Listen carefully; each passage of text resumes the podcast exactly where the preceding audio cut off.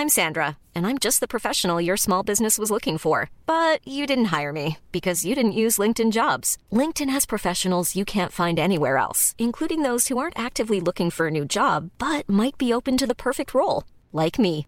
In a given month, over 70% of LinkedIn users don't visit other leading job sites. So if you're not looking on LinkedIn, you'll miss out on great candidates like Sandra. Start hiring professionals like a professional. Post your free job on linkedin.com/people today. Planning for your next trip?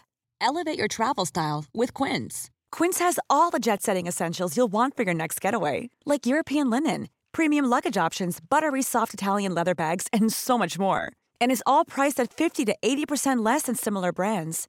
Plus, Quince only works with factories that use safe and ethical manufacturing practices. Pack your bags with high-quality essentials you'll be wearing for vacations to come with Quince. Go to quince.com slash pack for free shipping and 365-day returns.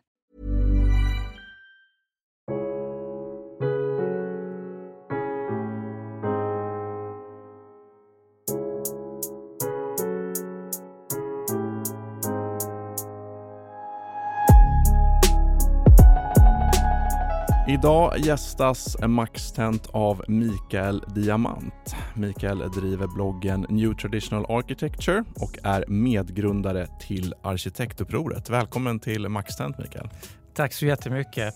Eh, Jag måste lägga till det, arkitekturupproret. Arkitekturupproret. Du är inte den enda som gör fel. Jag ber, alltså det, det är många som gör. Men det är viktigt att poängtera för att vi vill belysa att vi är öppna för alla. Det ska inte vara någon arkitektklubb utan det är allmänheten som har rätt att bestämma hur den, den omgivna bebyggda miljön ska se ut. Mm. Så därför så måste jag poängtera. Det var Absolut. inte för, för, ja. Nej men det är helt rätt. Vad var så här jobbigt typ.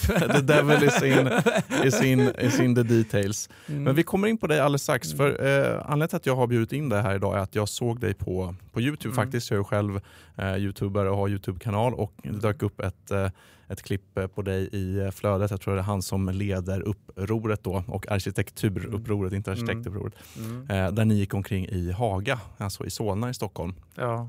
och tittade på ja, den nya posterboy-stadsdelen i Stockholm Ja. egentligen som har Som Stockholms stad är jättestolt över, som är vetenskapsstaden, som är framtiden. Och det är jävla dystopi rent ut sagt. Nej, men alltså det är så fruktansvärt. Alltså det är så många fel. Alltså både Nya Karolinska, de som jobbar där, tycker att det är en dålig miljö, själva byggnaden internt. Men sen också framförallt externt.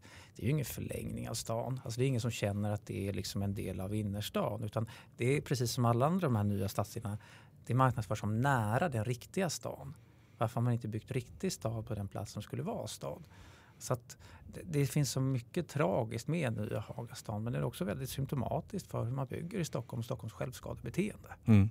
Så att det, ja. Ja, jag, jag bor ju i Växjö och där har vi haft eh, Ja, bland annat har vi haft Sveriges fulaste hus. Eh, Mm. Det är en Ica, ja, Ica Kvantum tror jag med studentbostäder. Grattis! Eh, ja, när, man- när man kör förbi där då tror man ju att man har hamnat i ja, men DDR. Det är stål. Man ser knappt att det är ens hus. Det är bara en, en stålkonstruktion. Och där inne eh, bor människor. Och jag själv har ju inget, eh, inget konstintresse så på det sättet. Men, men har börjat utforska det här med, med eh, jag ska kalla det skönhet och alltid dra. Man dras ju till de här gamla husen. Mm. Mamma och pappa har båda bott i omgångar i ja, men sekelskifteslägenheter med Mm. den här höga takhöjden och, och ja, vackra fasader utan att Mm. vara ja, men pretentiöst. För ibland så tror jag man som utomstående lite ser på konst lite som lite pretentiöst. Men, Mm. Ja, men, mo- modern konst, eller modernistisk konst, skulle jag säga, den är ju pretentiös. Därför att den måste du ha på något sätt några former av märkliga specialkunskaper så att du kan säga massa konstiga plattityder. Om du tar alltså det, som, det som gäller för liksom klassisk skönhet, klassisk konst och klassisk arkitektur. Du behöver inga, ingen terminologi. Det är klart om du kan liksom historien, vet vad symbolerna uttrycker och sånt där, att du får en rikare upplevelse. Men du behöver inte kunna ett dyft för att njuta av det. Medan modernistisk konst, liksom, alltså vad, någon som har klistrat en banan på en vägg. Alltså det krävs att du liksom vad säger man, månglare, eh, snake oil salesman. Alltså förstår, du, du måste kunna uttrycka så mycket nonsens. Mm. Och så tävlar man i vem som kan uttrycka mest nonsens. Och så låtsas alla förstå. Och ja, det, jag drar liknelsen ofta, men det är ju verkligen kejsarens nya kläder. mm, Alltså, och det är det som är grejen. Du ska ju aldrig, och jag vill säga det till alla, man ska aldrig känna att bara för att jag inte kan all, all terminologi och sånt där så har inte jag någon rätt att uttrycka mig i min byggda miljö det har du absolut. Det du känner, alltså du har konsumerat skönhet hela ditt liv. Du har bara inte tänkt på det aktivt. Alltså 99,9 procent av alla människor har inte arkitektur som specialintresse. Men vi omges det varje dag, vi dras till vackra miljöer. Vi åker till Italien på semester och tycker gud vad trevligt och fint det är här. Sen kanske man inte reflekterar på varför jag tycker att det är det är så fint och trevligt. Men du dras eh, ändå till miljöerna. Och så är det i hela Sverige, så är det i Växjö också. Ni har väl antagligen några vackra platser, några vackra byggnader som man inte förstört. Alltså man har gått hårt fram i Sverige. Mm. Um, och där vill alla människor synas och där finns en trevlig litet café eller gammal, något så här, något så här gammalt café mm. liksom, eller något sånt där som, som människor gillar att vara på. Mm. Så att, ingen ska skämmas för bristande kunskaper eller vad ska man säga, framförallt eh, termer att, att uttrycka sig. Man har rätt att tycka och framförallt det man känner ska man ta på allvar när det gäller arkitektur. Alltså, politik vill vi ha utan känslor men arkitektur vill vi ha med känslor. Mm. Och framförallt inte kontroversiella känslor eller provocerande känslor. Vi vill ha positiva känslor. Alltså när du går i en miljö så ska du känna gud vad trevligt det är, vad fint det är, vad glad jag blir. Inte det här är en provokation. Men fasken vill se en provokation varje dag. Liksom, alltså det, ja, om vi tar liksom vad som snackas i arkitekturvärlden nu. Det, mm. Ja, det var ett litet utlägg. Absolut, här ja, men, men, jättebra. Och, och jag tycker vi skulle utforska det lite här idag. Mm. Eh, men innan vi hoppar in där, eh, lite kort om dig Mikael. Vad, vem är du? Ja, det är en bra fråga. Det är nästan svårt att svara på själv. Nej, men jag, är, jag jag jobbar, jag är inte utbildad arkitekt. Jag har läst samhällsplanerarlinjen en gång i tiden. Med, mina intressen är liksom, jag är intresserad av historia, social antropologi och demografi. Sånt jag skulle kunna bo på universitetet. Men det finns ju inga pengar i humaniora i Sverige. Alltså har man läst teknik så har man det ju bra förspänt för sig. Min etnologilärare, första han sa på första lektionen var läs inte det här för då kommer ni inte ha något jobb. och det är så här, men, det här är, ja, det är så här, krossade mitt hjärta på en mm. gång. Liksom så här. Um, så att jag har väl massa sådana intressen och kände att jag, ville liksom, jag är intresserad av arkitektur. Men jag var så naiv. Jag trodde att gud, ska man bli arkitekt måste man ju kunna rita. Ja, det behöver man ju om man ska bli den arkitekt som jag vill bli. Mm. Uh, men sen när man ser vad arkitekterna gör så behöver man definitivt inte kunna någonting. Om man ska räta linjer. Ja, räta linjer och lite CAD och dra ut liksom så här. Uh, så att, ja, född i Småland faktiskt också. Döderhult utanför Oskarshamn. All right, ja. Pappa Homer Simpson, nej han ja. jobbar kärnkraft här, kärnkraftsinspektion, liksom, var pensionerad sedan några år men jobbade fram till rätt nyligen, liksom innan corona. Eh, stockholmare sedan tre års ålder. Bodde först på Söder och sen Sollentuna centrum och, och sen så styckade jag av massa tomter i Djursholm för det var så dyrt att värma upp här. Så uppvuxen i träförorten. Mm. Um, och sen ja, jobbat, familj, har en dotter som är 16 år. Vad mer kan man säga om mig? Ja, jag är så van att prata om ämnet här mm. så lite och reflektera över mig själv som ja, person. Jag, ja. Nu bor jag i Danderyd i alla fall igen här då. Mm. Uh, inte i Haga? Inte i Haga här. Nej. Jag är sambo med en underbar kvinna. Mm. Så det, ja. Mm. Jag jobbar till dags med, med personal. Mm. Uh, inte HR men personalrelaterat. Det är väl det jag har gjort de senaste tio åren. Och så parallellt så har jag drivit det här liksom arkitekturupproret. Eller jag har inte drivit, just arkitekturupproret har jag inte drivit. Det är mer en skapelse. Eh, ja, men, jag, vi kan jag, väl börja ja, där. Vad, vad, är bakgrunden till det? Ja, jag kände väl liksom att jag behövde få... Alltså, det var ju så knasigt. Alltså, förstår du? Det var en sån känsla som man fick redan i, i tonåren. Så här, man åkte in till stan och skulle man spela så här laser games med kompisar. Och så konstaterade man liksom att alla gamla hus var fina. Jag hade inte heller några så fina termer att uttrycka det för. Alltså, de var, gamla hus var fina. Mm. Och sen som alla 60-tal var så apfult verkligen. Så här. Och man fattar ju liksom ingenting. För i skolan läste jag, du förstår, i Sverige så 1900 tio personer i en enrummare och så hade man inneboende dessutom mm. här och allt var jättefattigt. Och sen blev vi världens rikaste land. Men tittar du på arkitekturen så verkar det vara precis tvärtom. Mm. Alltså, det är ju inte bara Stockholm. Åker du upp till Norrlands inland så kommer du hitta helt fantastiska offentliga byggnader i, i, i, städer som hade kanske 1500, ja, de kan inte ens klassas som städer, 1500 invånare för 100 år sedan. Folkhögskolor och kyrkor och en det ena en det andra. Så att det här fattiga samhället för 100 år sedan skapade liksom bestå, någonting beständigt. Vackert och beständigt. Medan det här jätterika samhället bara skapar massa fulhet och banalitet. Vad beror det på då?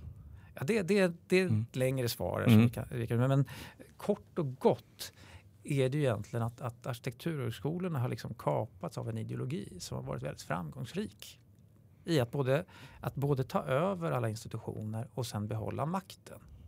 Så att de går ju inte att reformera. Systemet är liksom själv, självrekryterande och, och själv, eh, självgående vid det här laget. Utan det enda man kan göra är att man kan skapa nya institutioner. Och sen får man väl dra historien och lärdom och vakta de institutioner som inte tas över av modernister igen. Så att det började med några radikala och man, man hittar på massor med olika anledningar varför de här radikalerna lyckades ta över arkitekturhögskolorna. Ja, men de var chockade av första världskriget och det var så hemskt så att eh, nu blev alla, cynist, alla cyniska och därför så skapade de modernism. Liksom så här. Alltså, det håller ju inte. Alltså, det är inte första gången det varit krig och ödeläggelse i människans historia. Sverige har varit ganska hårt ödelagt. Jag tänker stora nordiska kriget. Man brände varenda, eller ryssarna brände varenda stad där längs östra ja. kusten. Ändå fortsatte vi att bygga vackert efter det. Liksom. Uh, eh, 30-åriga kriget, var tredje tysk dog. De byggde upp det rätt vackert igen. Liksom så här. Och, och så kan vi liksom fortsätta historien. Så att, men det är i alla fall den, den gängse förklaringen, liksom hur modernismen fick legitimitet bland arkitekterna. Att på något sätt att efter det här så, så kan inte ingenting återgå till det normala. Och nu ska vi bryta med allt det gamla, för det gamla representerar någon form av ondska. Alltså mm. det klassiska representerar det här borgerliga eh, aristokratiska samhället som vi vill komma ifrån. Alltså det kanske var legitimt att man ville komma ifrån det. Men ska man komma ifrån det genom att skapa liksom dysfunktioni och, och fulhet? Det, det, det liksom, hela det håller inte. Nej. Men de var framgångsrika på sin sak, på att sälja in sin sak. Sen kom de in på arkitekturskolor, de var tolererade. Men sen gradvis när de fick positioner och sånt där så såg de ju till att det blev ett, alltså de rekryterade sina och till sist så är ju liksom varenda skola i princip på jorden domineras av modernister. För det är ju mycket mer, allt är mycket mer kontakten är ännu tätare idag än vad det var för hundra år sedan. De var täta för hundra år sedan och ännu tätare idag, för de senaste 70 åren efter kriget. Liksom. Så att de har tagit över skolorna och sen blir det ett självrekryterande system. Till början så de indoktrinerar studenterna Uh, och sen blir det som så att bara studenter som kanske gillar att göra konstiga lådor kommer söka sig till arkitekturutbildningen. Idag om du gillar klassisk arkitektur så är det fler som söker sig till dataspelsbranschen och blir grafiker där och skapar fantastiska fantasivärldar. Mm. Ja, för det var min, min mm. följdfråga där. Att jag tänker att om man, om man har det här intresset av att skapa någonting vackert. För jag tittar också, apropå Youtube, en, en man som åker runt bland olika eh, länder i världen. Bland annat mm. åkt mycket i Östeuropa. Och mm. Man behöver ju inte ens gå in i miljön. Det räcker att han filmar ifrån eh, sitt... Ja, han åker tåg ofta. Mm. Det räcker att han filmar från tåget för att man ska känna den här, som du pratar om, den här mm. dystopin. Alltså, mm. och, och jag, tror, jag tror ingen människa tycker att eh, miljonprogramshusen är vackra. Jag tror ingen går, går där och känner liksom att det här är... Så det känns ändå som att det är någonting mänskligt att man, att man inte tycker det är särskilt... Ja, det är mänskligt. Ja. För det, det, är biologiskt. Alltså det finns många, många förklaringar. Vi kan gå in på liksom skönhetsbegreppet. Men, men arkitekterna är stenhårt ideologiska. Stenhårt ideologiska. Det är 1984 som gäller. Alltså indoktrinationen är ju så hård att de har två saker kännetecknar liksom modernismen. Det är det att först skönhet är banalt och det är relativt. Om du anser att skönhet är både banalt och relativt mm. då kan du inte skapa någonting vackert. Nej. Det är nummer ett. Mm. Och om du är ett byggbolag och jag tänker inte klandra byggbolagen någonstans, det är inte deras fel någonstans. Byggbolag har alltid varit giriga. Mm. Vinstmaximerande. Ja, men vinstmaximerande. Det är mm. deras, förstår du, de, de är ett företag, de är vinstmaximerande. Det har de alltid varit. De bryr sig inte om de bygger tinnar och torn eller om de bygger en fyrkantig låda. Utan de kommer ju göra det som är vinstmaximerande. Det kanske till och med är enklare att bygga, bygga en fyrkantig låda än tinnar och torn. Det kan det vara. Mm. Men de hade kunnat göra vinst och bygga tinnar och torn. Mm. Alltså förstår du, det, det, är liksom, det, det är inte kopplat till det.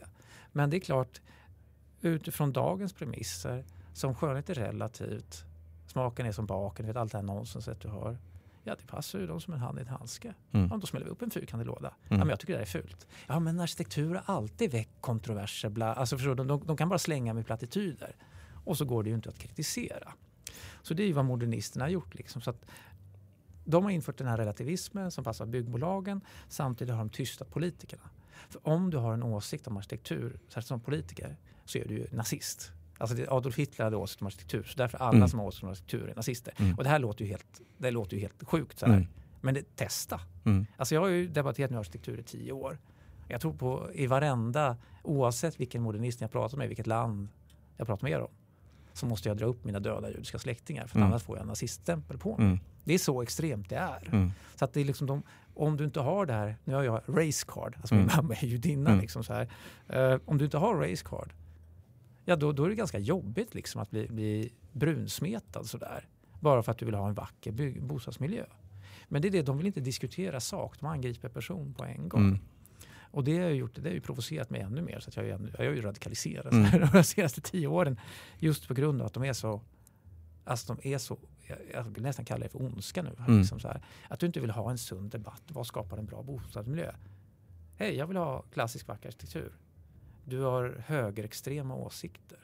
Vad, vad är det för Vad är alltså, kopplingen Ja, vad är någonstans kopplingen Mm. någonstans? Men alla kan ju prova det här. Och alla kan också prova det här med relativismen. Fråga om ni har en arkitektvän. Sätt en vacker byggnad bredvid en betongbunker. Och så frågar ni personen vilken av de här byggnaderna, byggnaderna är vackrast. En icke-arkitekt kommer svara på en gång. Ja men det där är vackrast.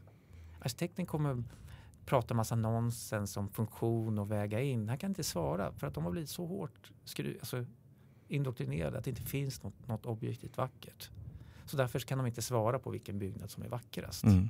Men det här med, med skönhet, jag, jag tror när det gäller människor så har man gjort eh, eh, undersökningar just Mm. på, på symmetri och, Mm. och sånt. Och, och där har man ju, trots att det är de olika kulturer, så har man ju ja, hittat eh, drag hos människor Ja. som är liksom objektivt sätta. Det här är av det andra könet kommer att tycka att den här personen är Ja. eh, mer eller mindre vacker. Alltså det är, Ja. inte, det är inte subjektivt egentligen. Det är inte subjektivt Nej. någonstans och det ser man på datingmarknaden här. Alltså de har gjort massa sådana här datingundersökningar på datingsajter. Här, Mm. liksom olika. Och USA är ju intressant så att de har ju de delar in människor i ras där.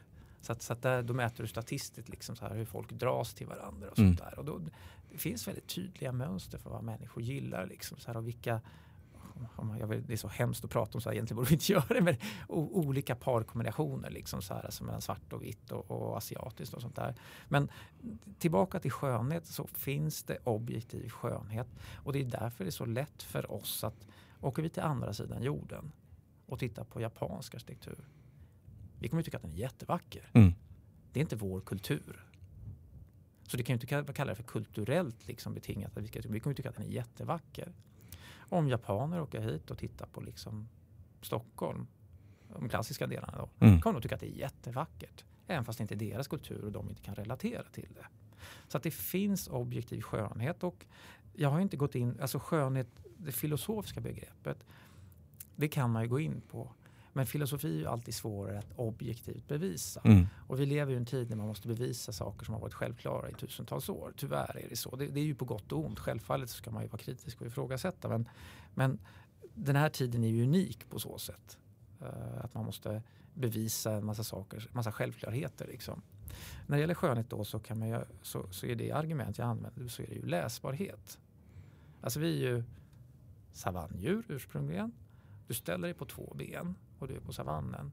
Du vill ha översikt över din miljö. Alltså du vill veta allting. Alltså du, du tittar ju när du går omkring på stan så identifierar din hjärna liksom på mikrosekund en massa olika saker. Fara, icke-fara, vän, fiende, partner. Alltså du, du letar, din- du skannar av hela tiden.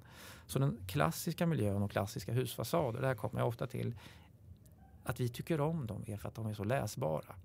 De, de, är, liksom, de är perfekta på så sätt att de är läsbara och eh, vad ska man säga, stimulerande på, för hjärnan på samma gång. Och hemligheten är ju fasadindelningen. Så att även om du har en byggnad som är från 1500-talet, 1600-talet, 1700-talet, 1800-talet, 1900-talet och det är en klassisk byggnad. Skalar av ornamentiken så ser de nästan likadana ut skulle jag vilja säga. För du har det här grunden att du har en sockelvåning med en tydlig linje. Vad är en sockelvåning? Ja, det är första våningen. Så första våningen är lite kraftigare. Och sen ser du ofta en- en markerad linje där. Mm. Vi skulle kunna... Ja, alla lyssnare kan väl gå ut och bara titta här nu. Så titta på en gammal byggnad. Ni behöver inte tidsbestämma något, men titta på en gammal byggnad så ser ni att det finns liksom en, en tydlig markering första våningsplanet helt enkelt. Och där går en linje. Sen finns det ett mitt, mittparti på byggnaden. Och det mittpartiet är också tydligt markerat. Här i mitten på byggnaden kan man snabbt se. Och sen finns det ett takparti på byggnaden. Och där ser man taket och där blir ofta fönstren mindre. Så att väldigt fort kan du se början och slutet på byggnaden. Och den här sockelvåningen den gör också att när du går på gatan att din blick hålls rak. Alltså den på något sätt så anpassar vi oss så att vår blick inte flackar upp och Mm. ner. Vi får- blir ihopsamlade. Liksom, vi blir ihopsamlade Mm. här så att vi, vi får väldigt bra överblick över den här byggnaden. Vi kan läsa av den. Inga platta tak. Inga platta tak. Och platta tak i ett land där det regnar är ju i sig sinnessjukt. Men, men det, då, man måste vara modernist för att komma på något så dumt. Mm. Liksom så här. Och jag, jag har haft en utmärkt för min förra arbetsgivare jag tyckte väldigt, väldigt mycket om. De byggde ett nytt lager med platta tak Mm. och det läckte under vintern.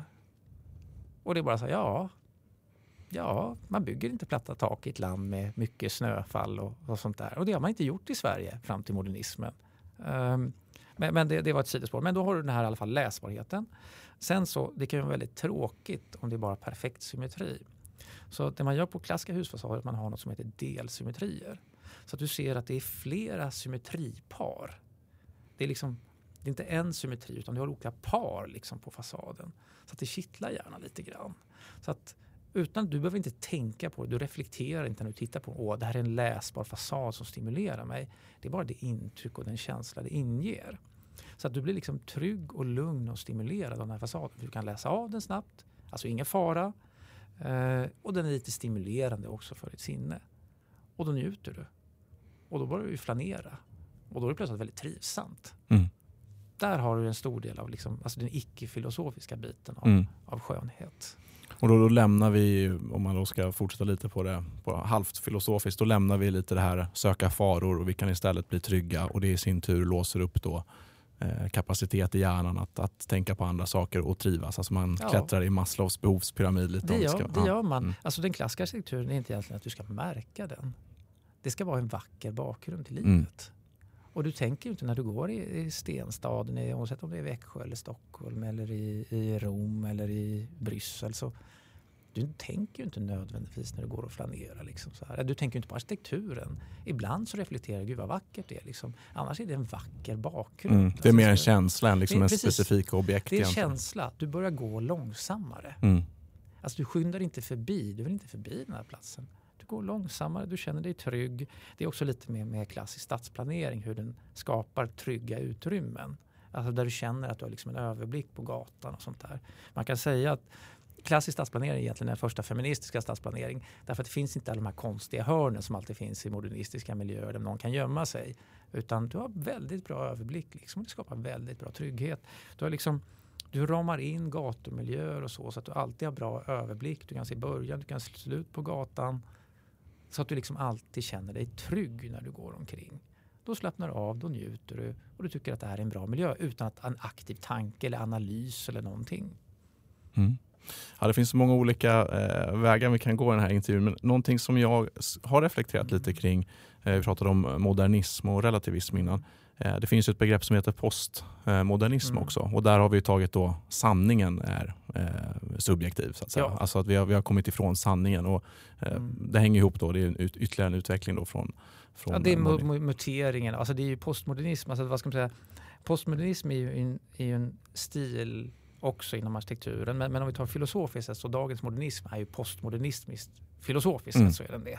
Och det finns ingen sanning, allt är bara relativt. Och nu så har den muterat liksom till varje arkitekt är narcissist. Mm. Varje arkitekt ser sig som ett, som ett artistiskt geni och så skapar någonting som ingen skapat förut. Bra är liksom det sista attributet som de bryr sig om. Utan det här har aldrig skapats förut. Då får jag cred. Och vilka jag bryr mig om, om jag får beröm av? Av allmänheten? Nej, de fattar ingenting. Ja.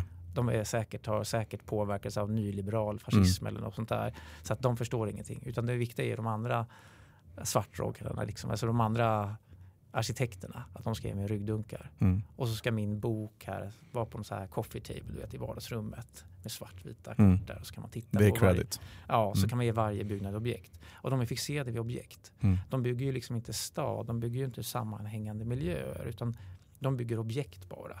Så det blir väldigt konstiga också miljöer som de skapar liksom, för att de är så objektfixerade på samma Mm. gång. Det blir ju också ganska elitistiskt då också kan man säga. Eh, när det är en select group då, alltså en grupp Mm. egentligen bara som kan tolka och, och, och se det positiva i det och det som man bara bryr sig om. Men, men det är deras identitet. Mm. Alltså de, är, de ser sig som ett avantgarde, liksom, att de, de förstår, de är upplysta och de måste leda allmänheten. Och att vi inte uppskattar all den här fulheten det är för att vi är okultiverade och förstår inte. Men om man bara förklarar för oss och ger oss utbildning så kommer vi också förstå att all den här fulheten egentligen är det bästa för oss. Alltså det, jag vill inte involvera politik, men det är alltså mycket väldigt lik kommunism. Liksom, så mm. Alltså det passar människan väldigt dåligt. Och så försökte man utbilda människor och det funkade ändå inte. Precis som planekonomin fungerade ju inte under, alltså sen Sovjet införde det så hade man brist på allting. Men av ideologiska skäl så fortsatte man ändå i 70 år. Liksom så här. Och det är ju samma sak med modernism. Det har inte funkat sedan man började sedan 1945. Men av ideologiska skäl så fortsätter vi. Mm.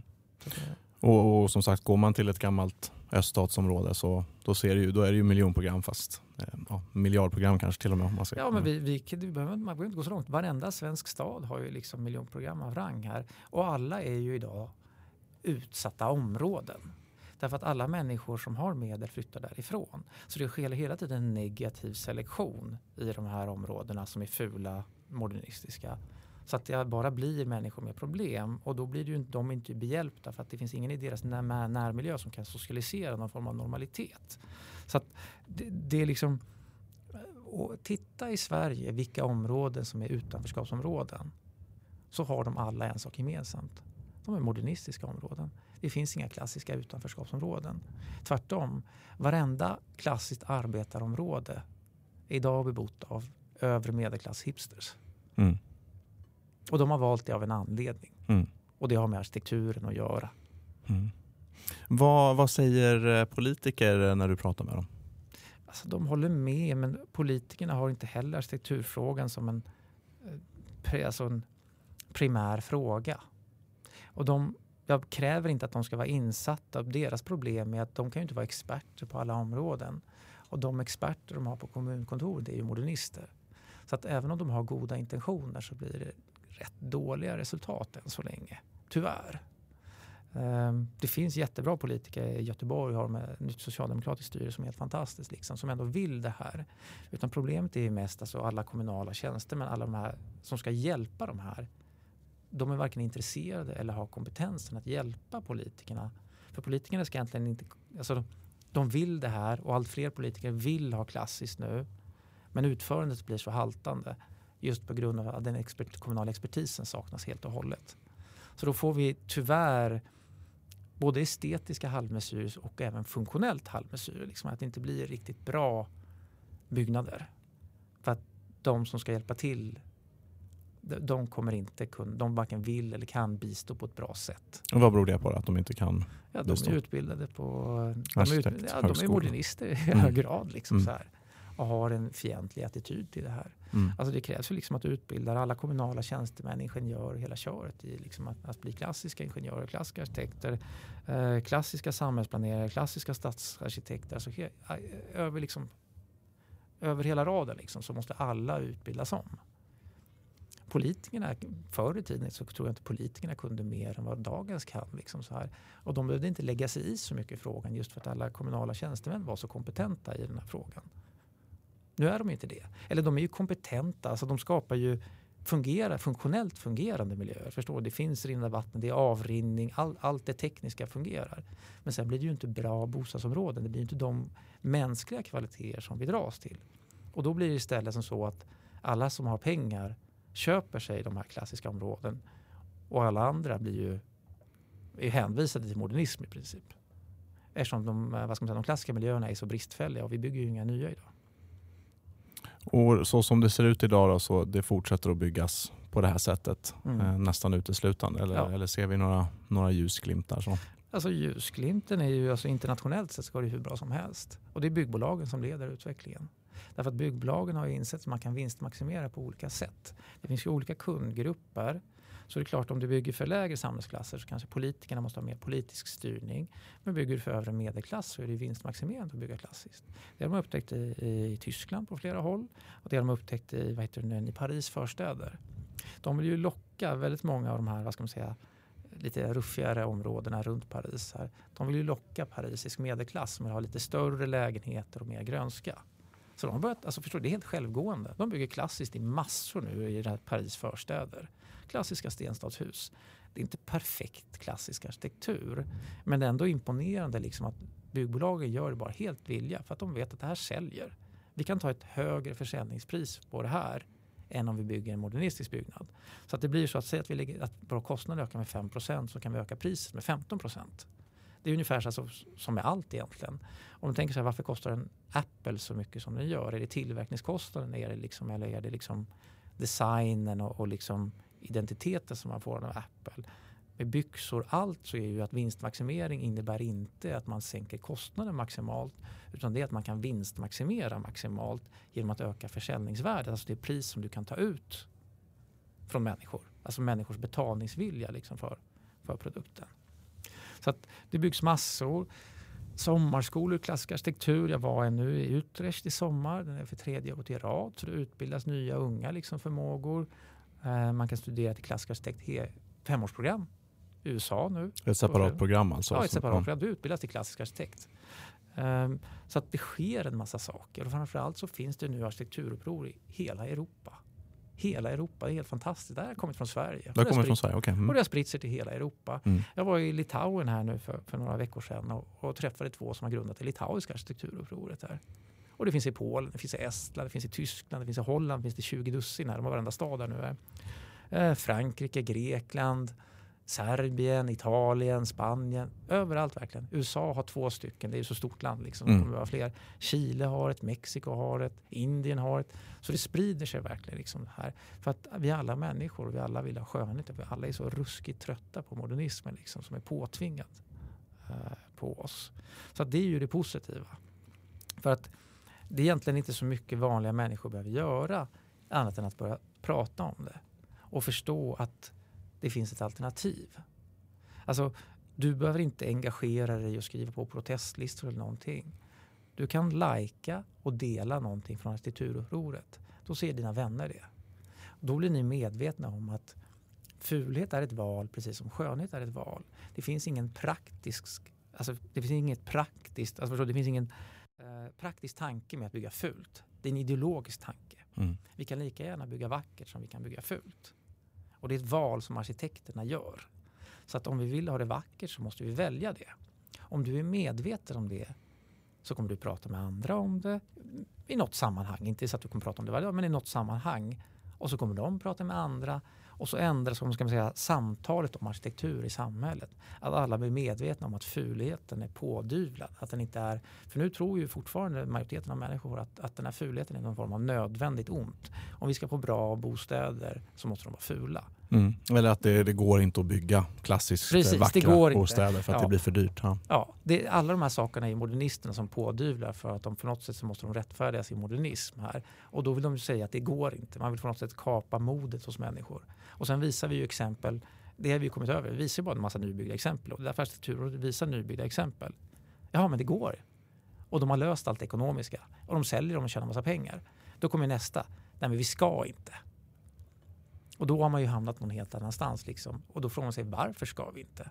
Och då kommer allt deras nonsens och då är det lättare att argumentera. Och de vet ju det. Det är därför de går på med nazistkortet så fort. Liksom här. Mm. För de vet ju att ska man ha en ärlig debatt så kommer de ju förlora. Mm. Och då kommer vi ju ifrågasätta allt de har trott på hela sina liv. Mm. Och det är ju inte bra. nej, det, nej, alltså människor, just när man angriper människors världsbild då, då kommer ju alla, alla försvar fram såklart. Eftersom ja, alltså, det, är, tänk, det är ett hot mot identiteten. Ja. Ja. Tänk dig själv om du var liksom 70 år 1991 i Sovjet. Mm. Allt du har trott på hela ditt liv var en lögn. Mm. Det är nog ganska hårt kan jag mm. säga det. Alltså då, mm. då, då, då, tror jag att människor hellre låtsas och tror på en vacker lögn. Nej, men kommunismen var rätt ändå. Mm. Än att de liksom erkänner för sig själva att allt de trott på var fel. Så det behövs ju liksom ett exitprogram för modernister. Hur de ska kunna lämna modernismen med äran i behåll, eller som är självbilden i behåll. Mm. För det kommer, allt kommer ju rämna bara. Liksom så här, så att det... Hiring for your small business? If you're not looking for professionals on LinkedIn, you're looking in the wrong place. That's like looking for your car keys in a fish tank. LinkedIn helps you hire professionals you can't find anywhere else, even those who aren't actively searching for a new job but might be open to the perfect role. In a given month, over 70% of LinkedIn users don't even visit other leading job sites. So start looking in the right place. With LinkedIn, you can hire professionals like a professional. Post your free job on linkedin.com slash people today. Even when we're on a budget, we still deserve nice things. Quince is a place to scoop up stunning high-end goods for 50 to 80% less than similar brands. They have buttery soft cashmere sweaters starting at $50, luxurious Italian leather bags, and so much more. Plus, Quince only works with factories that use safe, ethical, and responsible manufacturing. Get the high-end goods you'll love without the high price tag with Quince. Go to quince.com slash style for free shipping and 365-day returns. Mm. Nej, men jag, jag, tror att precis som, ni, som du var inne på där Mikael, just att man får upp ögonen för det. Och nu har vi, alltså internet har ju alla sina baksidor naturligtvis. Informationsteknologi och sociala medier har ju sin baksida. Men det finns ju också en, en extrem uppsida. Ehm, mm. Men det är lite de här anledningarna då som, eh, som du har varit inne på som gjorde att du och några till då, om jag förstått rätt, drog igång arkitekturupproret och inte arkitekt. Om vi ska ta liksom den, alltså, verkligen så här grundarhistorien här. Så började, 2013 eh, så startade jag en Facebookgrupp på svenska som heter Nyproduktion i klassisk tradition. Alltså förstår, jag, jag var inte slipad då liksom på något sätt när det gäller det här. Liksom jag bara började, jag var bara så här, okej okay, hur ska vi liksom, jag vill visa bara att med faktiska exempel, inte säga att vi ska bygga klassiskt. Jag vill posta bilder på projekt alltså som är byggt. Men var kommer det ifrån då från början? Var den övertygelsen att, att, att det går? Ja, alltså man kollar på nätet. Man mm. börjar googla på nätet. Alltså förstår du, byggs det ny klassiker? Eftersom jag tycker att klassisk arkitektur var så vacker. Uh, alltså min första riktiga aha-upplevelse det var 2003. Jag åkte till, till Wien här uh, och bara wow, Alltså kan man bygga så här vackert? Alltså det var verkligen så här magiskt. Verkligen. Shit vad vackert det var verkligen. Så det var verkligen så här ögonöppnare. Stockholm är jättevackert. Men Wien, liksom, alltså det finns sådana arkitekturer som man bara så här gapar. Alltså. Och överallt så är det torg och så är det änglar som klättrar på varandra. Mot Stockholm. Så det, det är så magiskt verkligen Wien. Uh, men sen gick det ju några år och liksom sociala medier mognade lite och sociala medier var ju inte så mogna i början här. Utan folk la upp bilder på sin mat.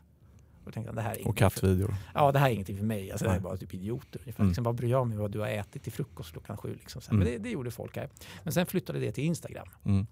Och Facebook blev liksom lite mer seriösa grupper. Facebook är ju lite döende nu för det är bara vi vi är över 30 som använder um, men, men, men liksom starta en grupp då, visa, jag vill, jag vill ha förändring. Och jag hade ändå pluggat lite sociologi så jag hade lärt mig liksom termer som diskurs och liksom hur, hur, liksom, hur samhällsdebatt, hur, och sam, ramarna för samtal och allt sånt där fungerar. Det har jag haft enorm nytta av. Liksom. Och sen bara så här, hur ska jag nå en svensk publik? Ja, då måste man ju dels visa att det faktiskt går. Alltså man visar ett faktiskt projekt. Och sen också att det är tillåtet.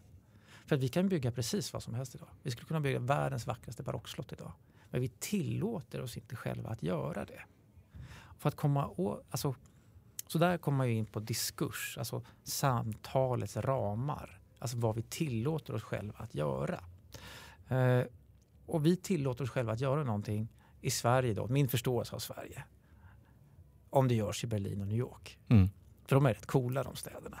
Så om de gör det då är det okej okay för oss svenskar att göra det. Eller det här är Stockholms perspektiv. Ja, alltså säkert... New York är ju alla stockholmares eh, idealstad av någon anledning. Ja, och alla som ja. flyttar till Stockholm. Det här duger. Det här var, det, jag hamnade inte i New York, men då hamnade jag i Stockholm. Ja. Och det, man lever lite sex, och det sitter jag. Mm. Alltså, förstår, det, det, ja, nu, nu raljerar jag. Mm. Jag är ju själv, alltså, jag, jag är inte bättre. Ja, jag är född och uppvuxen i Stockholm, så jag, ja, jag, alltså, jag, jag, får skämta om jag, Stockholm. Jag är inte bättre än någon annan där, så jag ska inte vara, vara så här märkvärdig. Jag, jag är inne i den svängen också. Liksom, så, här, så, att, så att, man vill liksom ha någonting för att vi är fortfarande lite allergiska mot något som kallas för bakåtsträvande. Det är också en konditionering vi har haft, att vi har lärt oss att allt bakåt är dåligt och att det är bara framåt som är progressivt och bra. Så att därför så måste man visa att i de här progressiva och coola städerna så byggs det massa klassiskt. Mm. Så det var en medveten, ja. en medveten strategi eller tanke mm. när det här drog igång? Ja, för att då blir det så här, okej, okay, för du kan inte anklaga New York för att vara gammalmodigt och reaktionärt. Det känns absurt att säga det. Mm. Liksom så här. Men om jag skulle bara visa till exempel, eh, det finns jättemycket fint i Ryssland. Då kan man ju stämpla det, ja men det är bara mm. sådana där eh, som gör det. Men vi är upplysta, vi gör det inte. Mm. Varför det nu skulle vara upplyst att bygga fult, det, det vet jag inte. Men, men, men, så, nej, så, nej, ja, men det är så, men det är så, här, det är så tankarna, ja. alltså hur, hur tankarna Psykologi och sånt funkar. Och vi är ju gruppvarelser och vi anpassar oss väldigt mycket till vad alla andra tycker. Jag gör det, du gör det i olika sammanhang liksom, så anpassar vi vad andra tycker. Och då liksom så blir det ju legitimt. Okej, okay, jag gillar det här och jag gillar det ännu mer för att det görs där. Och jag vet också att jag kan uttrycka det. Därför att man kan inte, stäm man kan inte pådyvla mig åsikter jag inte har. Just för att det är byggt i New York eller i Berlin. Mm. Och det har man ju det här alltså förebilder eller vad man ska säga. Ja, pratar, pratar om förebilder för unga, och, mm. men det här blir ju samma sak då. Ja. Så att ur det, lite blygsamt, jag är ingen expert på sociala medier eller marknadsföring, men då, då kom en kille, han vill vara anonym fortfarande. Gift, två barn, hela köret där. Bor i södra Sverige. Jag vågar inte säga mer. Han, han får ha sin identitet här. Men han har liksom inte heller någon utbildning i marknadsföring. Riktigt jävla marknadsföringsgeni. Så att han startade tillsammans med mig då arkitekturupproret som han drev. Och de blev väldigt bra för de blev liksom som två ben på samma kropp. De har lite olika inriktning. Arkitekturupproret lockar ju publiken som inte har ett specialintresse i arkitektur. 99,9 procent av alla människor i Sverige som är intresserade av massor med intressanta saker, men kanske inte just arkitektur, men som konsumerar arkitektur varje dag. Utan att alltså man reflekterar kanske inte varför man gillar det här och inte det här. Så att han har ju fått alla andra människor, alltså alla icke-arkitekter och icke-specialintresserade, att bli engagerade och intresserade genom hans sätt hur han marknadsför och hur han har kickat igång det. Samtidigt som den gruppen jag drev var lite mer nischad som projektsida. I och med mina kunskaper i historia och socialantropologi så kan jag nosa fram massa saker från hela världen ganska lätt liksom, eftersom jag har intresse och kunskaperna. Så då har jag hittat projekt och så plockar arkitekturrådet liksom russinen ur kakan hela tiden. Här. Så att det bästa jag publicerade där det hamnade på arkitekturupprorets liksom sida. Så en väldigt bra växelverkan mellan de sidorna. Och sen också så jag behövde få skriva av mig utlopp liksom för min skrivarlusta och göra en liten socialantropologisk beskrivning om det här projektet i, i södra Tyskland anknyter till det, det, det, det. Vad betyder socialantropologi? Socialantropologi det är, liksom, det är kulturstudier av människor. Alltså, vi är en etnisk grupp. Svenskar exempelvis. Eh, kurder, människor på Papua Nya Guinea. finns det massa olika stammar. Så det är liksom, varje etnisk grupp har olika föreställningar, myter, eh, vad, som, alltså, vad som är rätt och fel och en historia som alla människor relaterar till. Även om du inte kan så mycket, du behöver inte vara expert på något av ämnena, men bara att du har växt upp i Sverige så har du ju en del kunskap om Sverige och, och kulturell förståelse för det svenska eftersom du, det är här du lever och har växt upp. Um, så det är väl social antropologi, så hur människor liksom relaterar till platsen där de bor. Och alla stockholmare har ju någon, alltså förstår du, inga specialomkaster, ingen expert, har ju någon relation till Stockholm, de olika delarna i Stockholm, har olika föreställningar om olika delar av Stockholm. Alltså Södermalm, säger jag det så kommer de flesta tänka på vissa saker. Eh, Rinkeby så kommer människor tänka på vissa saker. Det är liksom de här aspekterna. Och det är ju samma sak i alla städer i alla länder. Liksom att olika stadsdelar, olika byggnader väcker olika tankar och associationer hos människor. Um, så att de har levt liksom sida vid sida. Och sen så bytte jag spår lite grann på New Traditional så att den blev, den blev på engelska. Då. Jag ändrade den till engelska Eh, för att nå en internationell publik och framförallt också knyta ihop. För att jag märkte att det fanns liksom i alla de här olika länderna så fanns det människor som var intresserade av det här och det fanns praktiserande arkitekter. Men varje europeiskt land är ju som en, en språkö. Polackerna har ingen som helst koll på vad som händer i Ungern. Ungrarna har ingen som helst koll på vad som händer i Tyskland. Och fransmännen har inte koll på någonting utom Frankrike. Alltså så att det, det är liksom förena alla de här människorna. Så nu är liksom New Traditional fungerar liksom därifrån så plockar människor från massor med olika länder plockar information som de sen för till sina lokalgrupper. Så att den, liksom, den fungerar som ett, ett möte, internationellt mötesforum nu. Liksom, där människor plockar kunskap och information och lär sig också vad som händer i grannländerna. Och det är ju väldigt användbart också i argumentation. För att avundsjuka är någonting som också kan vara användbart Absolut. här. Så att om du är liksom, jag vet inte om du är slovak mm. och så i Tjeckien bygger de jättefint. Mm. Varför gör inte vi det? Mm. Är vi sämre än dem? Ja, Och, och, så, och så vidare. Och så vidare. Mm. Alla länder har ju något som de har lite, alltså en vänskaplig rivalitet absolut, med. Absolut. Ja, och vi i Sverige har det också. Mm. Om norrmännen skulle bygga jättevackert. Mm. Nej, det hade vi, vi inte själv, Nej, nej, vi är ju bäst. Ja, så att, varför gör de det där? Varför kan inte vi göra det? Alltså väcka den provokationen. Och sen också bara att människor knyter kontakter med varandra. Så att man kan ju lära av varandra också. Liksom så här. Och, och alla de här nya klassiska sommarskolorna som har kommit till de senaste åren. De har ju elever från hela Europa och hela världen till och med. Liksom. Främst Europa, men, men verkligen hela världen. Uh, nu när jag var där i Utrecht, jag träffade en jättebegåvad kille från Albanien som bor i Tirana. Fantastiskt. Alltså han är 17 år och vad han kan rita. Och han kan liksom teckna de mest fantastiska klassiska hus. Och han lärde sig liksom skuggning och proportioner och skalor och allt sånt där. Och han har ju liksom fått ett nätverk nu över hela Europa. Så att all den här begåvningen som finns nu, eftersom det inte är etablerat i varje land så kan man ändå fånga upp alla begåvade människor och de kan kanaliseras till länder, som det är så lätt att flytta inom Europa nu här, till länder där det finns praktiserande firmor.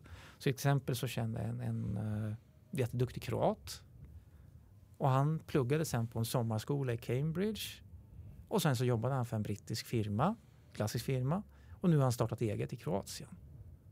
Så att det är liksom nu, nu, alla de här nätverken som skapas via New Traditional och sen så sprider det sig sen liksom över hela Europa och hela världen för den sakens skull. Så det, ja, och parallellt demokratirörelse. Ja, och parallellt så drivs arkitekturupproret och arkitekturupproret eh, jag driver inte någonting av det. Jag är med i styrelsen men jag driver inte någonting av det.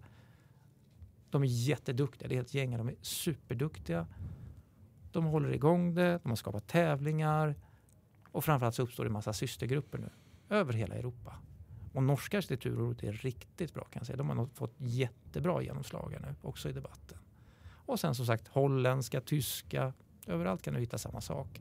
Och debatten är precis samma i alla länder. Ja, jag, jag, kan bara reflektera, jag, hade, jag tror det var några år sedan jag såg om det var du eller arkitekturupproret eller någon, någon som retweetade någonting. Och det var just det här alltså, att man tog en, man bytte ut och hade byggt mm. ett, alltså ett klassiskt hus som såg ett hyreshus eller om det var mm. bostadsrätter med lägenhetshus. Och så såg det, och det var klassiskt, liksom, det här mm. såg ut som det var byggt på runt kring sekelskiftet. Mm. Och min första tanke var ju så här, ja men får man bygga så här? Precis. Och det, och, och det är så här, mm. det är en ganska sjuk tanke att få in. Det, alltså, varför mm. skulle vi inte få göra det? Ja. Var, var, var, kommer den tanken ifrån? Men, men det måste ju, ja, vi, ja. vi har säkert varit inne på det. Ja men det är ju där det är vad man, alltså sociologispråk här, då. jag ska försöka förklara det. Det är vad man kallar för det här med, med diskurs. Diskurs är ramarna för samtalet. Ska försöka förklara det? Det var ju ändå 20 år sedan jag läste nu sociologi här. Du sätts Men, på, på ja, test här. Ja, men det är så här, inom varje område, exakt varje område, inom stridsflyg så finns det ramar för samtalet. Vad får man säga, vad får man inte säga? Och det är politiken är väl nästan enklast att förklara, den politiska diskursen. Höger och vänster är alltid beständigt.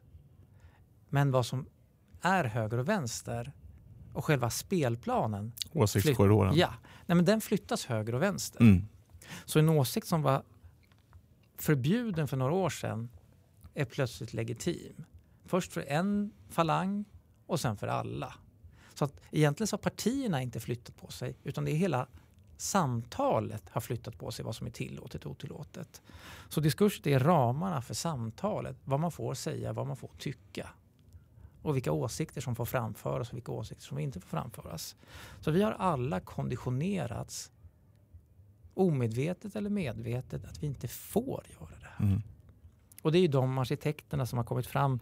Alltså vi, vi har ju ändå ett tilltro sen gammalt i Sverige. Alltså förstår, vi, vi har en tilltro till myndigheter och experter. Mm. Jajamän, det sitter djupt rotat. Ja, mm. för att vår stat har varit väldigt välvillig mot oss.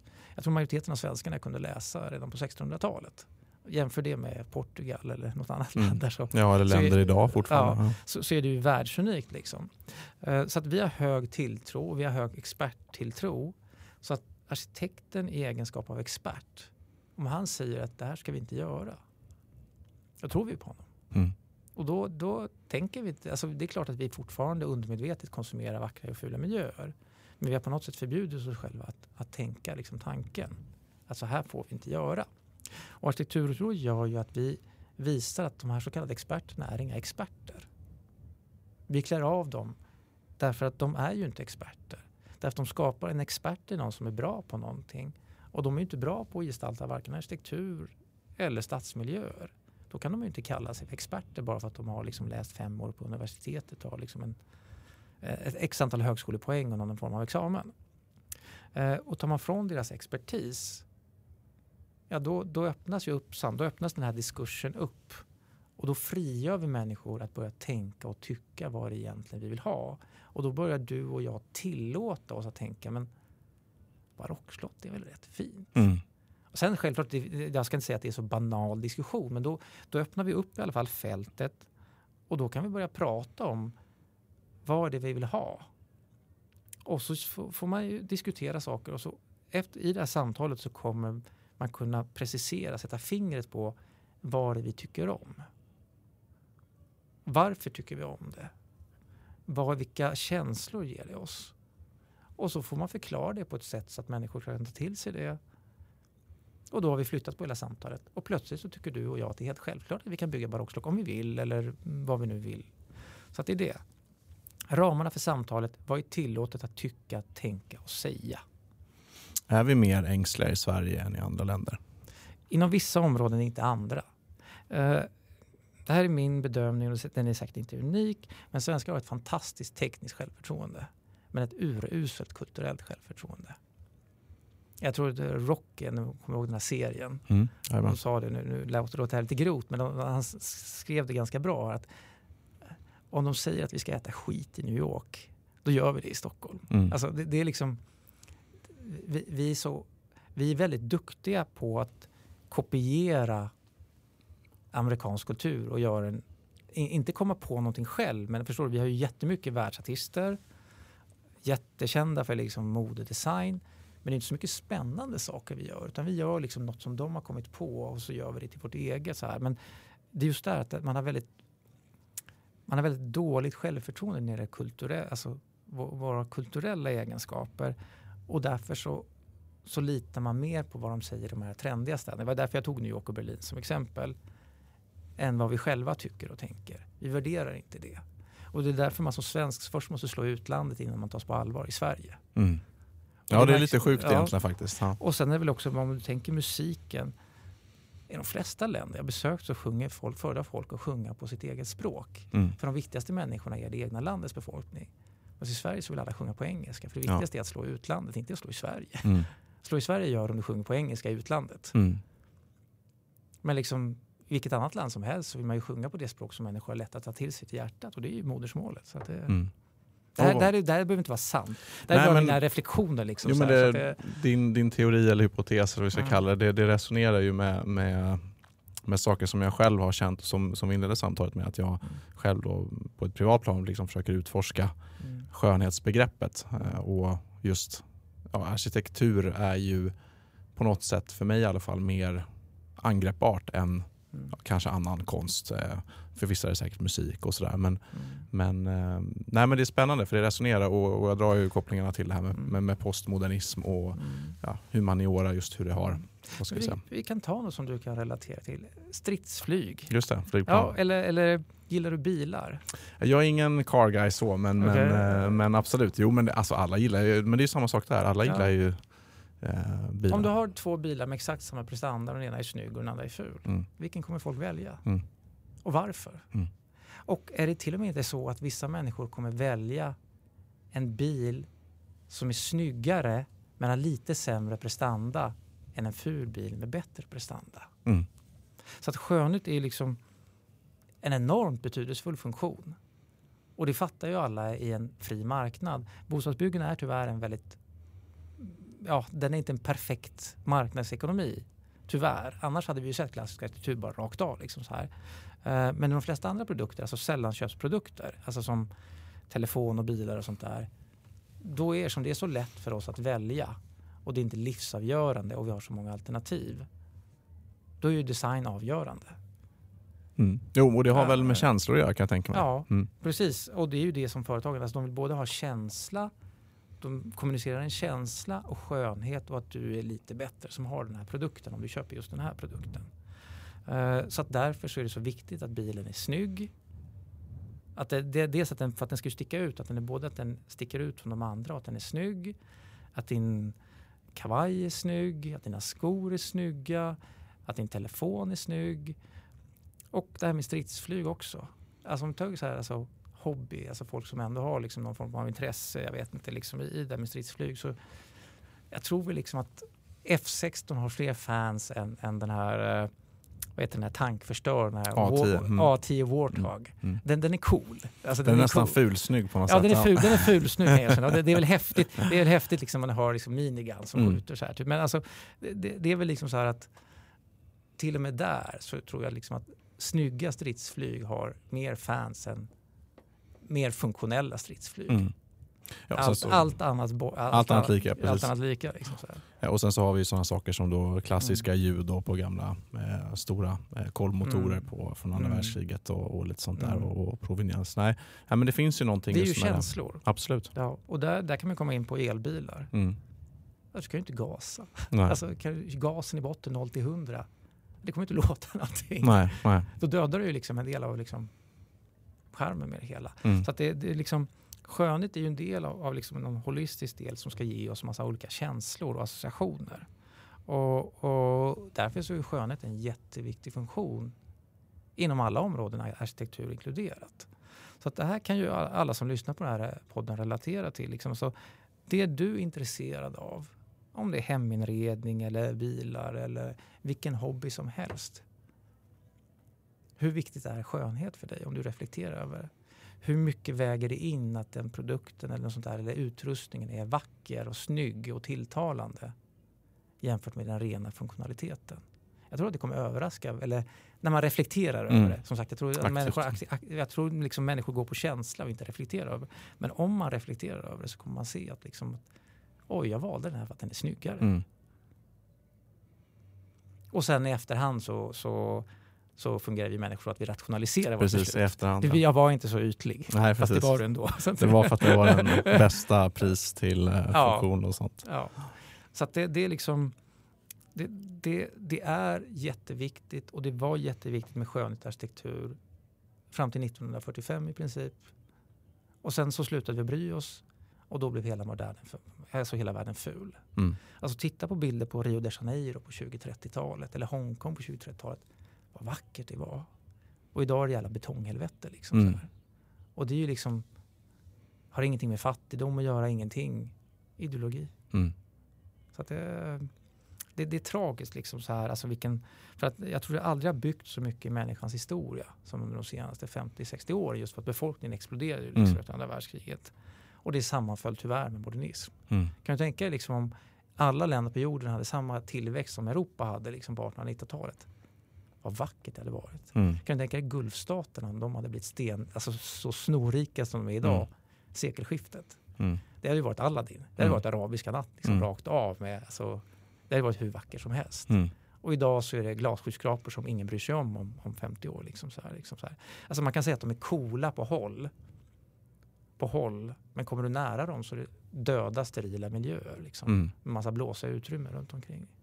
Men där har de väl eh, lite börjat bygga sådana här eh, ja, vad är det, världs, eh, världsöar där de, där de mer uh, ja, hoppar på uh, olika kontinent, kontinenters uh, specifika. De har väl alla, alla sorter där. Väldigt dyra gimmickar. Liksom. Och återigen, allt är coolt. Mm. Alltså det, det är ju en wow-känsla. Ja. Men det är en väldigt kortvarig känsla. Mm. Alltså det är inte en beständig känsla. Inte tidlöst. Nej, utan om du besöker en gång så bara wow, det här var häftigt. Mm. Men alltså du, ska ju, om du lever i det, blir det en ba, bra bakgrundsvy till livet. Mm. Vem promenerar i Dubai? Mm. Tar du bilen så ser väl allting häftigt ut på mm. håll, men kan du promenera? Hur trevligt är det att vara nedanför en skyskrapa? Mm. Alltså nere på bottenvåningen där liksom och gå utanför en skyskrapa. Det är återigen väldigt mycket döda, tomma utrymmen och parkeringsplatser. Så det är liksom bara en hägring allting. Mm. Och coolt vet ju alla att det, det, är ett värde som inte håller så, mm. länge. Uh, så att om 30 år så finns det ännu häftigare, coolare, mm. jag hatar att säga ännu coolare glasskrapor. Mm. Och då är glasskraporna som byggdes idag inte lika Inte coola. häftiga. Nej. Ja, och då river du dem och så bygger du nytt. Mm. Och då kommer vi in på ytterligare så här, det här med ekologisk hållbarhet. Alla vill att vi ska rädda klimatet och att det ska vara bra. Men om du bygger byggnader som bara rivs ett var 30 år, det är ju inte klimatsmart någonstans. Nej. Och ta här i Stockholm där vi bor, men som sagt, hela Sverige, hela världen är exakt samma sak. Varför bevarar vi gasklockor som är 100 år gamla nu på, på, på vad är det, Gärde, eller Djurgården? Mm. Liksom så här, va- varför bevarar vi dem? Skulle någon komma på så här, men vi ska bevara de här gasklockorna från 70-talet? Det är ingen som kommer göra.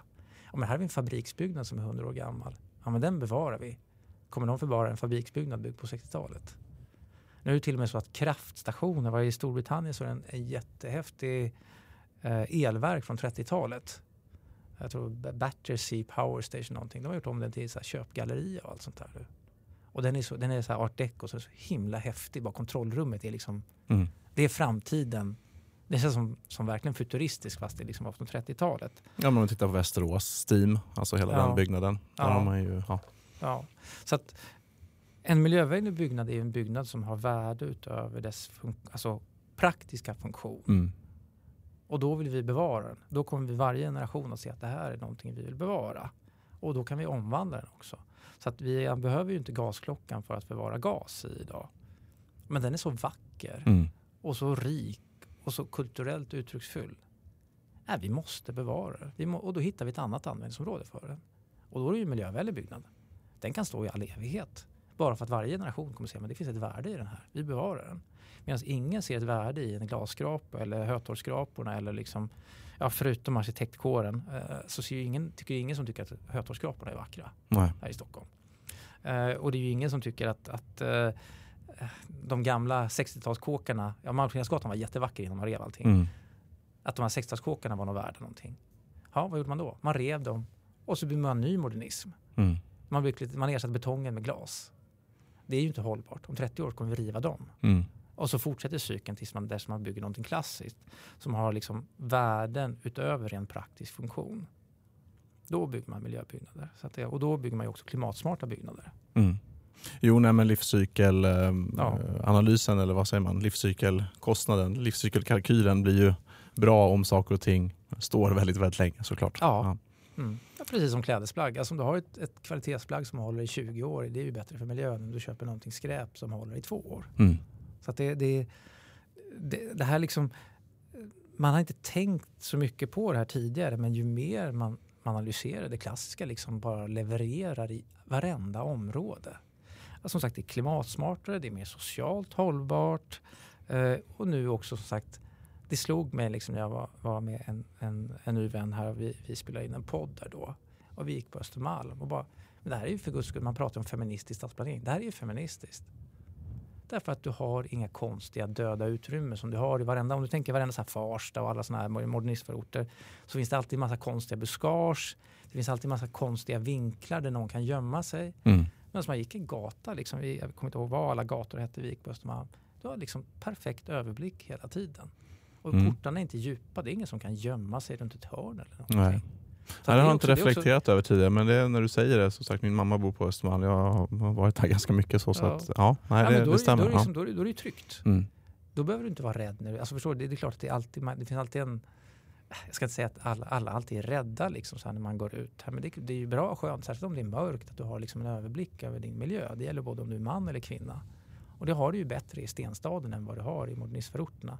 Just för att det finns alla de här konstiga döda vinklarna, ytorna, konstiga buskagen, parkeringsplatserna. Allt som skapar en miljö där du har svårt att, att se liksom, vad som finns runt hörnet eller vad som finns framför dig. Ens, liksom.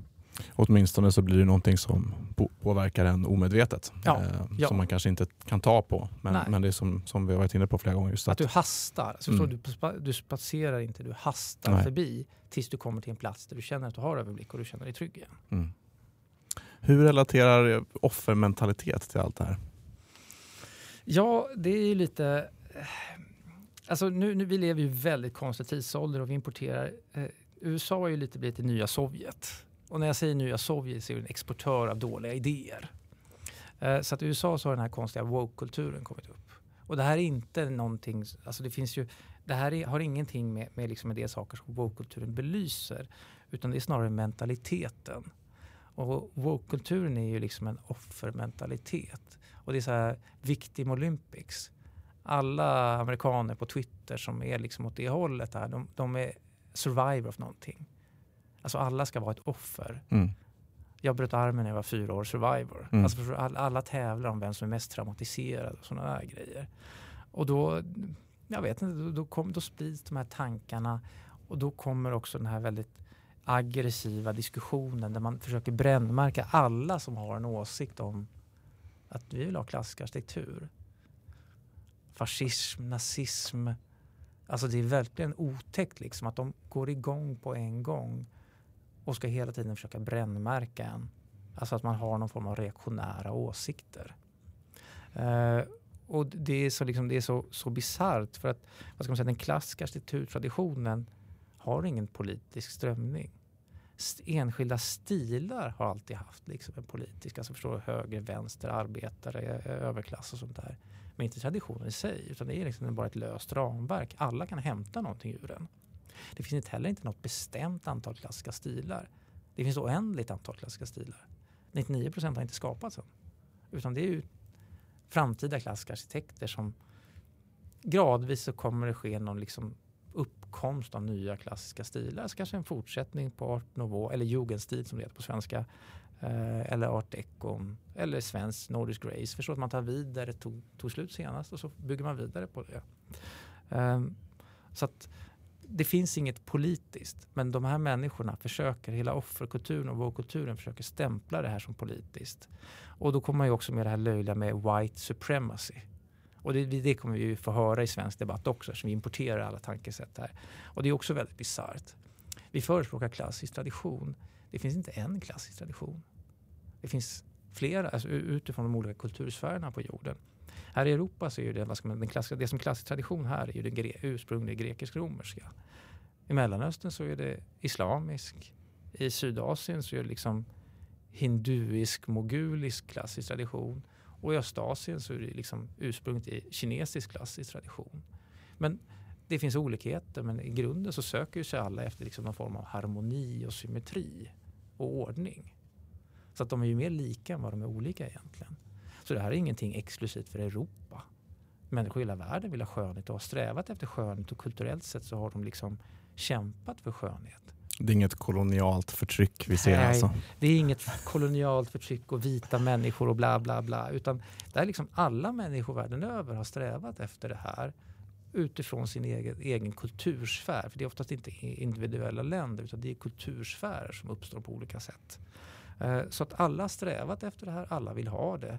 Det som är kolonialt förtryck är att vi exporterat modernismen till hela världen. Så att alla liksom arkitekter oavsett var de är världen över har skolats i Europa och lärt sig att de ska bygga fult. Och på något sätt så har man, modernismen är ju så reducerande också.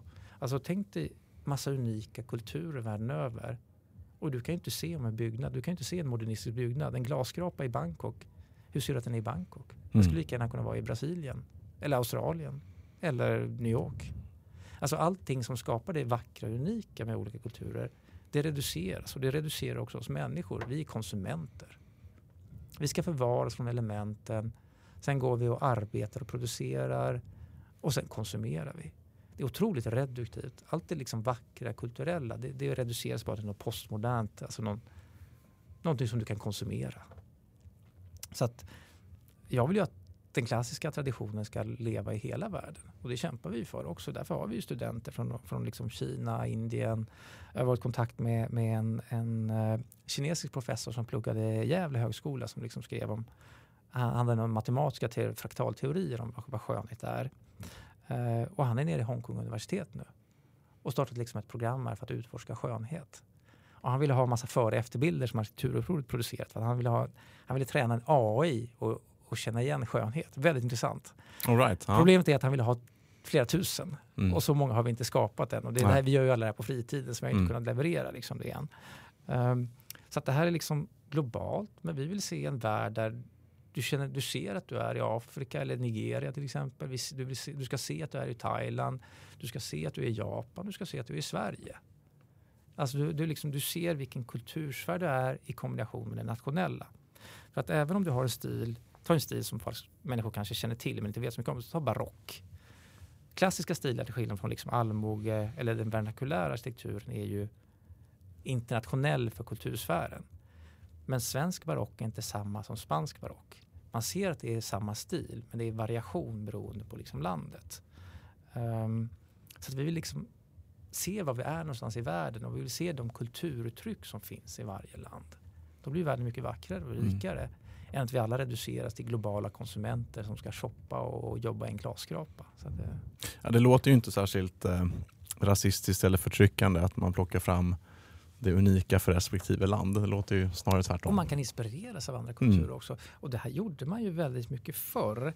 Det finns otroligt mycket spännande kulturmöten och kulturblandningar i det klassiska. I Europa var man jätte, ja vi vet ju att vi var jättefascinerade av kinesiska. Om du tänker Haga, vi har ju Kina slott mm. I Stockholm och det finns Kina slott i nog varenda europeiskt land. Mm. Och man tillverkade kinesiskt porslin i Europa. Mm. Alltså man var så otroligt fascinerad av Kina. Och sen under 1800-talet blev det Japan. Och man var jättefascinerad av Japan och inspireras därifrån. Inom arkitekturen så har vi ju vad heter det nu, en väldigt mycket spännande synkronismer som har skett, alltså sammanslagningar mellan olika kulturer. Det är samma sak som fusion inom ja, restaurangvärlden. Precis, fusion ja. i restaurangvärlden. Mm. Vi kan ta ett exempel här, en stil som var populär på 30-talet, art deco. Och när, när jag säger art deco så tänk på de här snygga skyskraporna i New York. Tänk så här Chrysler-bilder mm. och sånt. De flesta har väl någon, någon bild. Liksom. Alltså man behöver inte kunna något några detaljer men då, då har ni någonting, en bild framför mm. i alla fall. Och då kombinerar man det med så här astekiska, astekiska estetiska uttryck. Så man skapar något, en stil som kallas för Mayan revival. Mm. Så man kombinerar den här art deco, tänkte alltså Chrysler building, med mesoameriska stilelement och uttryck hur häftigt som helst. Mm. Och art deco, just art deco har varit väldigt spännande just för att du har en kine, i Shanghai byggde man kinesisk art deco. Så den är art deco, men det är väldigt mycket så här, du vet, tranor och andra kulturella figurer och tecken och liknande som finns liksom i, i, i den kinesiska tankevärlden. Och det finns indisk art deco. Det har skett med hur mycket sådana här blandningar som helst. Eh, eftersom min mamma är judinna så har jag koppling till Israel. Oj, nu ska vi inte prata politik här och vad som händer nu. Men eh, vi pratar bara om något, historia här nu. Vi tar inte ställning till någonting. Eh, så i alla fall när, när de första, liksom, vad ska man säga, när man judarna kom till när de första började bygga liksom, vad ska man säga, städer och sånt där i brittiska Palestinamandatet så var det väldigt mycket diskussion liksom, alltså vilken stil man skulle ha. Och en del var väldigt så här, för en del var det väldigt viktigt att man skulle liksom, man skulle visa sig civiliserad, så man skulle bygga europeiska stilar. Så då uppkom det hebreisk jugendstil, hebreisk nationalromantik.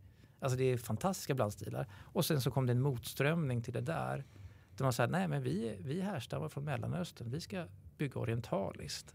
Så då byggde man istället en orientalisk inspirerad stil där man tog väldigt mycket inspiration av den islamiska arkitekturen. Så man byggde liksom moderna skolbyggnader och liknande där. Men man hämtade inspiration och ornamentik och liknande från moskéerna i området och sånt där. Så att det, kulturmöten har alltid skett och det har lett till väldigt mycket intressanta saker i historien. Så varför inte fortsätta? Alltså det finns ju 150 nationaliteter i Sverige idag en del är större än andra. Varför inte låta det delvis avspegla sig i arkitekturen? Alltså om vi har nu en intressant grupp, alltså varför inte göra en fusion av det svenska och det landet där man kommer ifrån? Så länge det passar. Alltså det, det ska ändå kännas som att det är Sverige. Mm. Men att det ändå blir, kan bli ett lite spännande kulturmöte här. En, en del byggnader. Eller vår ornamentik, om vi gör nya byggnader med ny ornamentik. Avspegla vår tid och vad som händer i vår tid och våra ideal det finns hur mycket som helst att inspireras av. För det har väl aldrig hänt och gått så snabbt som det gör idag. Så det finns massor att inspireras av. Massor med liksom fusion som har uppstått. Och nya tankar, ny teknik, ny, nytt allt möjligt här som liksom vi kan avspegla i det vi gestaltar i vår bygger. Självklart så kan vi, ska vi fortfarande ha antika stilelement liksom i det vi bygger. Och, och, men samtidigt så kan vi göra precis som art deco. Vi kan ta smycka med bilar och flygplan och allt möjligt. Eh, det som är häftigt med art deco är just att den känns så modern just för att mycket av det man tyckte var fantastiskt på 30-talet tycker vi fortfarande är fantastiskt. Alltså man var fascinerad av explosionsmotorn och bilarna och flygplanen för att det skulle lösa så många problem, alltså fattigdom och liknande. Så man, I ornamentiken så ser man ju bilar och flygplan och tåg och, och allt möjligt. Här på Stadsbiblioteket, om du kikar på det, finns det ett ornamentband runt hela Stadsbiblioteket i Stockholm. Och där ser du barnvagnar, mikroskop. Alltså verkligen, mm. alltså verkligen så här, alltså saker som var nytt och modernt mm. då. Och sen går du in genom entrén och då ser du liksom anti någon antik relief som jag tror föreställer Iliaden. Mm. Uh, så att du har både koppling till det antika och samtidigt till framtiden här, det man såg här. En fot i, i, i myllan och en, en mm. fot liksom framåt här. Då. Och det känns ändå tidlöst på något sätt. Ja. Uh, trots det. Mm. Så det, det, det, det, det, är liksom, det finns hur mycket kreativitet att släppa lös som helst i det klassiska. Utan man behåller ett bra ramverk hur du gestaltar själva byggnaden.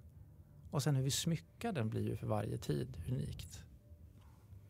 Och även att man får att det kan finnas möjligheter för, för uttryck, då, alltså konstnärliga uttryck då, men att man behåller det här.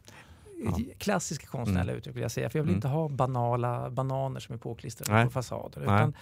precis som förr, alltså för att kunna skapa någonting så måste man kunna lära sig. Innan du kan skapa Eh, vacker, eh, en, en vacker gitarrkomposition så måste du kunna spela gitarr.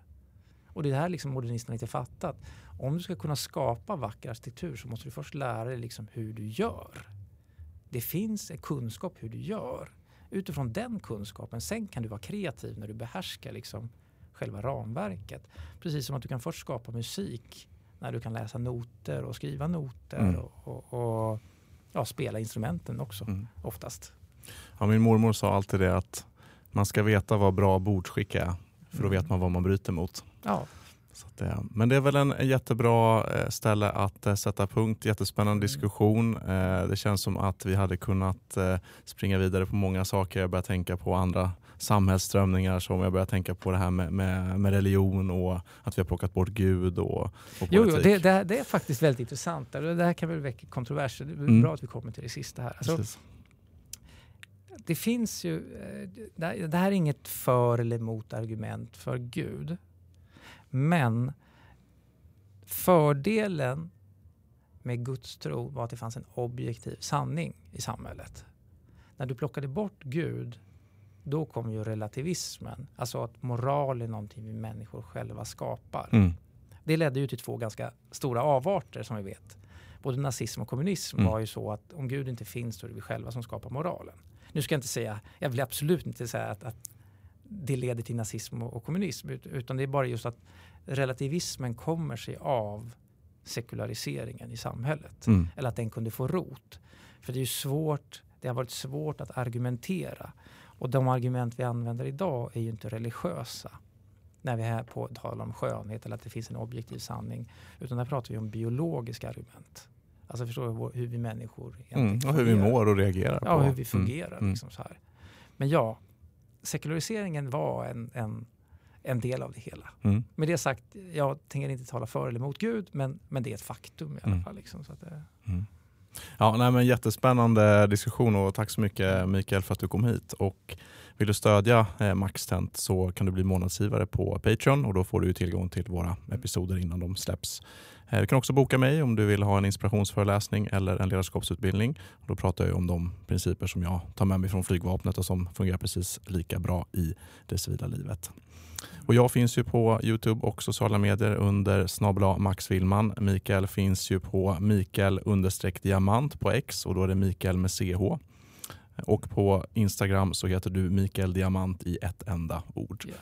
Och man kan också gå in på din hemsida och då är det newtrad.org om jag ja, inte minns fel. Det stämmer. Mm. Har du något annat sätt eh, Mikael om man vill engagera sig och, och bidra till att sprida klassisk skönhet i samhället? Alltså slaktivism jag nämnde är alldeles utmärkt. Gilla, dela, lika. Alltså gilla och dela och lajka liksom på, på olika sociala medier. Så att du medveten gör dig själv och andra. Att vi kan bygga vackert. Det är ett val. Men självfallet liksom, om du vill engagera dig lite djupare, ta kontakt med någon på arkitekturrådet eller ta kontakt med mig. Alla har någonting att erbjuda. Alltså alla har någonting som de kan bidra med. Vi behöver alla specialkompetenser eh, och det är alltid nyttigt med fler kontakter. Så det är bara att höra av sig om man vill. Har man tid så får man hjälpa till. Alltså Arkitekturrådet är ju en helt och hållet en frivillig organisation som består liksom av, av dussintalet olika människor med helt olika intressen, utbildning, politiska åsikter det finns ingen slagsida åt något håll kan jag säga. Uh, jag har varit mer åt vänster ett ganska långt tag här nu. Um, så att det bara engagera sig, bara höra av sig. Vill, säg hej, jag är intresserad av att hjälpa till. Eller hej, jag vill tipsa om det här. Vi är beroende av det. Så kan man bidra till ett bättre Sverige. Mm. Men som sagt, det är jätteenkelt annars. Gilla, dela, medvetande, gör det själv och andra. Det behöver inte vara fult. Det är arkitekterna som vill att det ska vara fult. Ja, men med de orden, tack så mycket för att ni har lyssnat och eh, till nästa gång. Det här är Max och Mikael Diamant. Fly safe.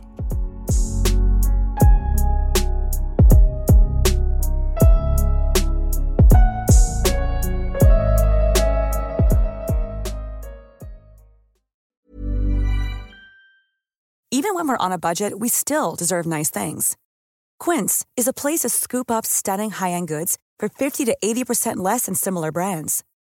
They have buttery soft cashmere sweaters starting at $50, luxurious Italian leather bags, and so much more. Plus, Quince only works with factories that use safe, ethical, and responsible manufacturing. Get the high-end goods you'll love without the high price tag with Quince. Go to quince.com/style for free shipping and 365-day returns.